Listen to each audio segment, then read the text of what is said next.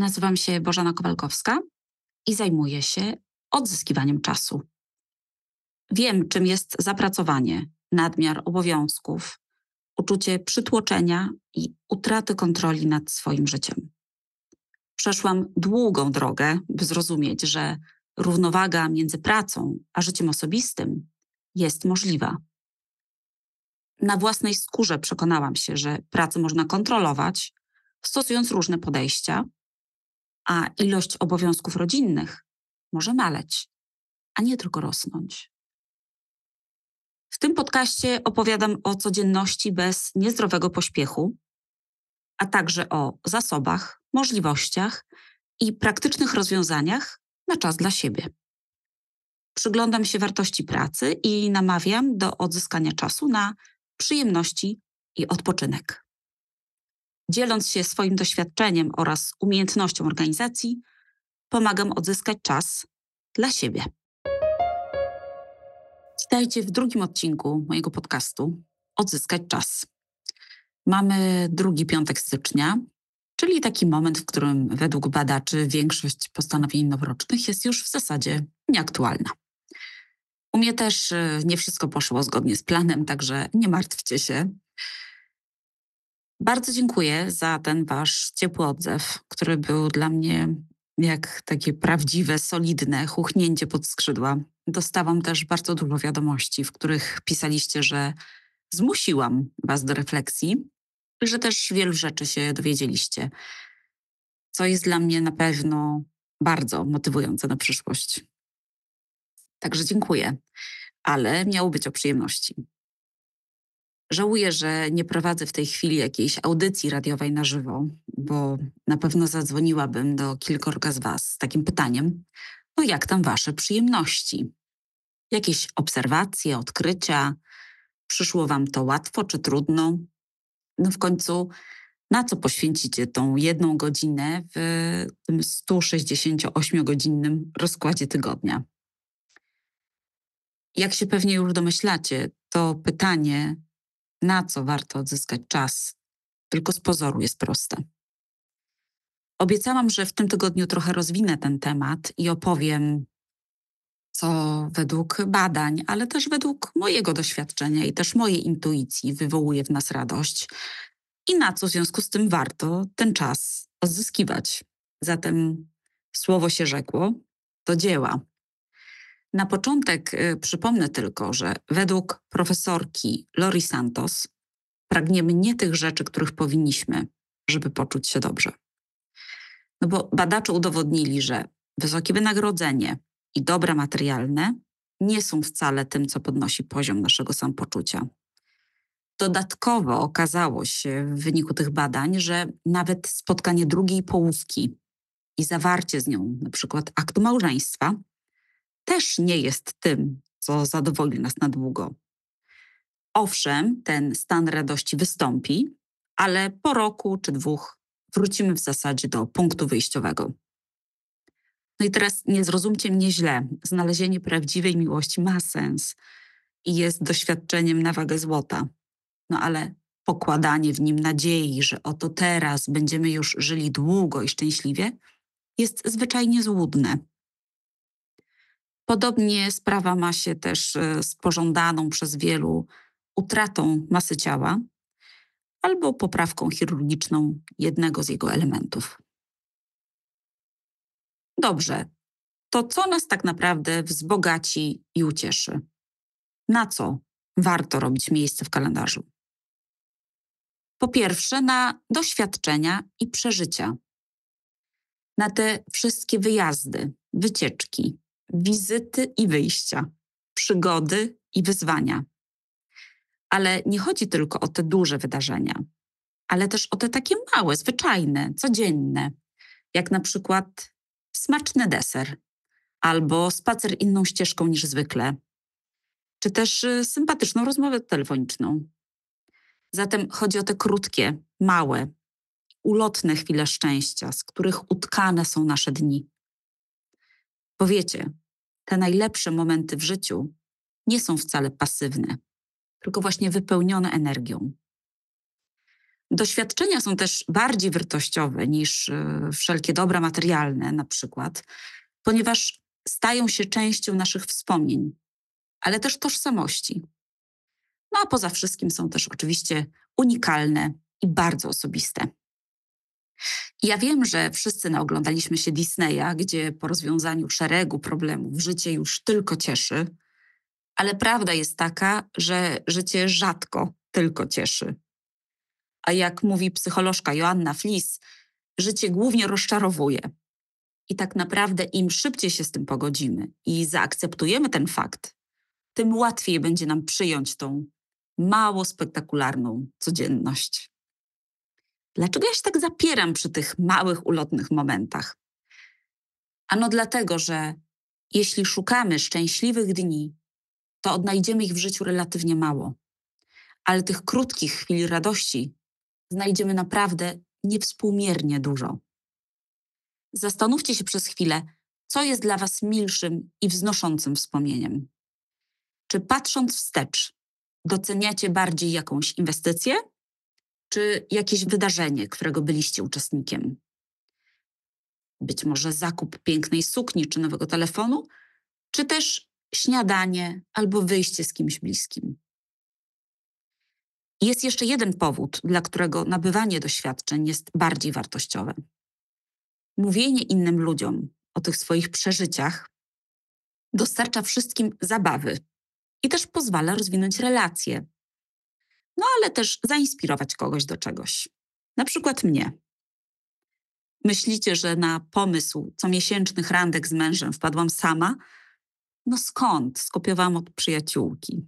No a pomysł na oglądanie filmów podczas y, jednego z fajnych festiwali. Też nie był to mój pomysł. Ja po prostu usłyszałam zachwyt w głosie bliskiej mi osoby i też zachciałam spróbować. Korzystanie z kryokomory? Kolejna fajna dziewczyna podzieliła się ze mną swoim przeżyciem. A już sytuacja, w której możesz doświadczyć czegoś pierwszy raz w towarzystwie, to jest po prostu hit. No i jeszcze, patrząc trochę egoistycznie, ludzie, którzy opowiadają z energią i zadowoleniem o swoich doświadczeniach i w ogóle mają te doświadczenia, wydają się być po prostu bardziej fajnymi ludźmi. Ale teraz uwaga, z tymi doświadczeniami jest mała trudność, gdyż wszystkie wspaniałe rzeczy są szczególnie wspaniałe za pierwszym razem, gdy się zdarzają. No ale ta ich wspaniałość niestety słabnie wraz z ich powtarzaniem. No, wyobraźcie sobie na przykład, że wakacje trwają bez końca, albo że koncert jakiegoś ulubionego artysty trwa kilka godzin, a nie przykładowe dwie. Zwariować idzie. Czyli w tych doświadczeniach chodzi o to, żeby nie przegiąć i nie przeszarżować, smakować je małymi łyżeczkami. Pamiętam, jak moja teściowa na takie specjalne okazje piekła kaczkę. Rety, jaka to była uczta, jakie to było specjalne, wyjątkowe. Ale ponieważ nasza zachłanność y, nie ma często końca, to zapragnęliśmy tej kaczki więcej i więcej. No i przez co sobie to doświadczenie zniszczyliśmy. No bo wzięliśmy przepis od teściowej i nauczyliśmy się taką kaczkę piec. I ona już nie wjeżdżała na stół raz czy dwa razy do roku, tylko początkowo raz w miesiącu na jakąś okazję, a potem to już w dzień powszedni, tak bez powodu. I w ten sposób z tego wyjątkowego dania stała się czymś tak zwyczajnym, że od kilku lat nikt z nas już tego dania nie przyrządza, ani go nie je, ani nawet za nim nie tęskni. Co oczywiście w kwestii naszych prób wyeliminowania mięsa z diety jest w zasadzie doskonałym rozwiązaniem. No ale rozumiecie o co mi chodzi. Dlatego ja tak bardzo cenię sobie w ogóle pierwsze razy i samo takie wychylanie się po nie. Bo te pierwsze razy mają w sobie element ekscytacji, podniecenia, ciekawości. Łatwiej się i szybciej zapisują w naszych głowach. I nawet te mało przyjemne pierwsze doświadczenia zostają w nas jednak długo, a w większości przeradzają się jednak w jakieś bardzo unikalne wspomnienie. Na zachętę, ale też dla inspiracji, przytoczę Wam kilka moich pierwszych razy, które bardzo dobrze po prostu zapamiętałam. One pochodzą z moich podsumowań rocznych, które przygotowuję od y, ostatnich chyba trzech czy czterech lat. Zatem na tej mojej liście pierwszych razy znalazły się zakup beczki do kiszenia kapusty, takiej na 800 litrów, bo bardzo chcieliśmy e, uczyć się morsowania e, wczesną e, jesienią i wiosną. Mm, ale także pierwsze prowadzenie wykładu po angielsku, ale też bycie dulą przez telefon i to w dodatku dla faceta. Nie zapomnę też, jak pierwszy raz zakładałam łańcuchy na koła, czy rozgrywałam hokeja na zamarzniętym jeziorze, przy brzegu, także spokojnie. Albo jak nagrywałam rozmowę, siedząc na pralce, bo okazało się, że w łazience mam najlepszy dźwięk. Albo jak pierwszy raz leciałam sama z małymi dziećmi samolotem. No albo jak zaprowadziłam dziecko pierwszy raz do szkoły, albo Jezu, do dentysty. Nie zapomnę pierwszego mandatu za jazdę na gapę, ani pierwszego upieczonego chleba, ani pierwszego wykonanego bardzo późno w moim życiu USG piersi. Ze śmiechem wspominam pierwsze i na razie ostatnie limo, które sobie nabiłam. Po prostu upuściłam sobie komórkę na twarz. Na pewno mm, z takim mieszanym y, uczuciem wspominam pierwsze wszy w dorosłym życiu, ale już z większym entuzjazmem, na przykład odkrycie złotej suszarki do rąk w kształcie 4 liter na warszawskim Powiślu. Jest taka, jest. No więc ja co roku robię podsumowania i poza tymi pierwszymi razami zapisuję też inne, oczywiście powtarzające się, ale ważne dla mnie momenty w roku. I teraz uwaga, ja zapisuję również te wydarzenia, które nie były tak bardzo miłe, ale z których wyszłam całą, które no, dały mi w kość, ale jednak je przetrwałam. Więc kiedy zbieram je wszystkie, i te pierwsze razy, i te dobre wydarzenia, i te mniej dobre, mm, i spisuję je czasem z kalendarza, czasem z rolki w aparacie mojej komórki czy mojego męża i zliczam, to zwykle wychodzi mi ich około 70 rocznie. Czyli średnio raz na 5 dni przydarza mi się coś, co jest warte do zapamiętania. No i owszem, ja lubię nowe, lubię próbować, ale w takiej codzienności to moje życie naprawdę nie różni się od życia wielu z Was. To jest tylko kwestia spojrzenia. Ale wiecie co? Okazuje się, że już samo myślenie o fajnych momentach w życiu i przywoływanie dobrych wspomnień sprawia, że czujemy się lepiej. Wystarczy powrót do tego, co cieszy w myślach, zaledwie przez 8 minut dziennie, przez 3 dni w tygodniu. I teraz wydawałoby się, że to efemeryczne myślenie o czymś tam przez łącznie 24 minuty w tygodniu, no nie powinno nic zmienić. No a jednak okazało się, że ma to naprawdę ogromny wpływ na takie subiektywne nasze samopoczucie. No i co naprawdę nie da się w tym kalendarzu wykroić tych 8 minut trzy razy w tygodniu? No dobra, na co jeszcze warto odzyskiwać czas? No, na budowanie relacji, Pewnie będzie to y, dla wielu z Was banał, ale mimo to powtórzę, że ludzie, którzy spędzają więcej czasu z innymi, są po prostu szczęśliwsi i mają też bogatsze życie. Bo okazuje się, że już zwykła rozmowa z nieznajomym na ulicy może poprawić nasz nastrój bardziej niż się tego spodziewamy. Czyli znowu chodzi o te małe, codzienne interakcje, nawet takie jak nawiązanie kontaktu wzrokowego z inną osobą lub uśmiechanie się do kogoś, kogo mijamy. W ogóle już samo przebywanie w pobliżu innych ludzi czyni nas bardziej zadowolonymi. Przypomnijcie sobie moment, w którym nawiązaliście z kimś krótką rozmowę albo chociaż kontakt wzrokowy. Robi różnicę, nie? No i nie wiem jak wy, ale ja jestem fanką sklepów osiedlowych i w ogóle małych miasteczek, w których ludzie po prostu zwyczajnie się kojarzą. Pamiętają, co lubisz, co zwykle kupujesz. Pytają Twoje zdrowie, zagadują, dzielą się też jakimiś swoimi spostrzeżeniami i też przeżyciami. Jak się tak zastanowię, to myślę, że kiedy regularnie chodziłam do kiosku ruchu po gazetę, to nawet nie dlatego, że potrzebowałam tej gazety, co po prostu lubiłam porozmawiać z właścicielką punktu. Zapytać o jej kota, zagadać coś o swoim psie, porozmawiać o pogodzie, powiedzieć, co fajnego jadłam albo widziałam.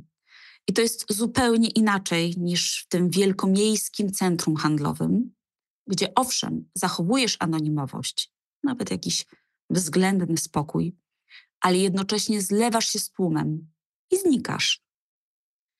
Oczywiście wartością są też, a może w niektórych przypadkach przede wszystkim, pozytywne relacje z rodziną, przyjaciółmi i współpracownikami. I ten czas spędzony na pielęgnowaniu tych relacji jest często bardzo satysfakcjonujący, bo on daje poczucie wspólnoty, bliskości i tego, co jest najważniejsze dla człowieka poczucia przynależności. I choćbyś była, czy też był największą introwertyczką, czy też największym introwertykiem tego świata, to relacja z drugim człowiekiem jest ci niezbędna do przetrwania. Czy tego chcesz, czy nie. I znowu, zastanów się, ile czasu spędzasz z ludźmi, z którymi jesteś blisko. Jak często znajdujesz dla nich czas? Albo trochę inaczej. Jak chcesz spędzać z nimi czas? Co moglibyście wspólnie robić? Kiedy byłby na to czas w Twoim planie tygodnia? A też podpowiadając trochę, to którą bezsensowną czynność możesz zamienić na spotkanie z kimś dla Ciebie ważnym? Skoro już jesteśmy przy kontaktach międzyludzkich, to wspomnę tylko, że to, co daje naprawdę dużo energii i samozadowolenia, to są proste, naturalne akty życzliwości w kierunku innych. Czyli szczęście płynące z dawania innym może być tak naprawdę ogólnoświatową i uniwersalną ludzką reakcją. Taką wiecie, no, dostępną dla wszystkich. A co ważne, skala pomocy czy życzliwości nie ma tu żadnego znaczenia. Chodzi o sam fakt. Przypomnijcie sobie teraz te miłe rzeczy, które zrobiliście kiedyś dla kogoś. Takie niewymuszone, niewykalkulowane. Czasem z przypadku, czasem w wyniku jakiejś decyzji. Anonimowe, celowe, jakiekolwiek. Milej na sercu, co? Ostatnia kategoria, na którą radzę Wam robić miejsce w kalendarzu, to regularny ruch i porządny sen. Prościzna, nie? O tym drugim, czyli o śnie, którego jestem prawdziwą fanką, powiem na razie tylko tyle, że jeśli odczuwasz jakieś dolegliwości emocjonalne lub fizyczne, to jest duża szansa, że one zmaleją albo w ogóle znikną, jeśli się po prostu wyśpisz. Ale o samej wartości snu i w ogóle nauce odpoczynku opowiem Wam innym razem. Zresztą o tych regularnych ćwiczeniach też opowiem kiedy indziej, póki co zostawię Was tylko z taką informacją, że nawet 30 minut dowolnych ćwiczeń trzy razy w tygodniu może naprawdę dużo odmienić w życiu. I oczywiście słynne endorfiny to jedno, ale mnie chodzi o regulowanie układu nerwowego. O ten każdy rytmiczny zamach, regularny chód, cokolwiek, co ma w sobie jakiś jednostajny, powtarzalny ruch. No bo nie bez powodu małe dzieci uspokajają się, kiedy są kołysane. Na dorosłego człowieka to też działa. Zatem podsumowując, krótko i na temat. Odzyskujmy czas na doświadczenia i przeżycia, zwłaszcza te, które przydarzają się nam pierwszy raz. Bądźmy na nie otwarci, nie? Znajdujmy czas na relacje z innymi, nawet z nieznajomymi. No i w końcu ruszajmy się i wysypiajmy się regularnie. Oczywiście byłoby wspaniale, gdyby w Waszym kalendarzu znalazło się miejsce na te wszystkie wymienione rzeczy, ale będę naprawdę dumna i szczęśliwa, jeśli uwzględnicie choć jedną z nich, nawet w jakimś najmniejszym wymiarze. Bo wiecie, ja wierzę, że sprawi ona, że będziecie szczęśliwsi, a dzięki temu świat będzie dużo bardziej znośnym miejscem do życia którzy czekają na podpowiedzi, jak i co zrobić, żeby tej przestrzeni na róż, na tej naszej czarnej planszy obowiązków i zadań było coraz więcej i więcej, zapraszam już za tydzień. Tymczasem rok 2024 ogłaszam rokiem nowych doświadczeń z bliskimi. Chętnych serdecznie zachęcam do dzielenia się swoimi przemyśleniami. Do usłyszenia, do zobaczenia.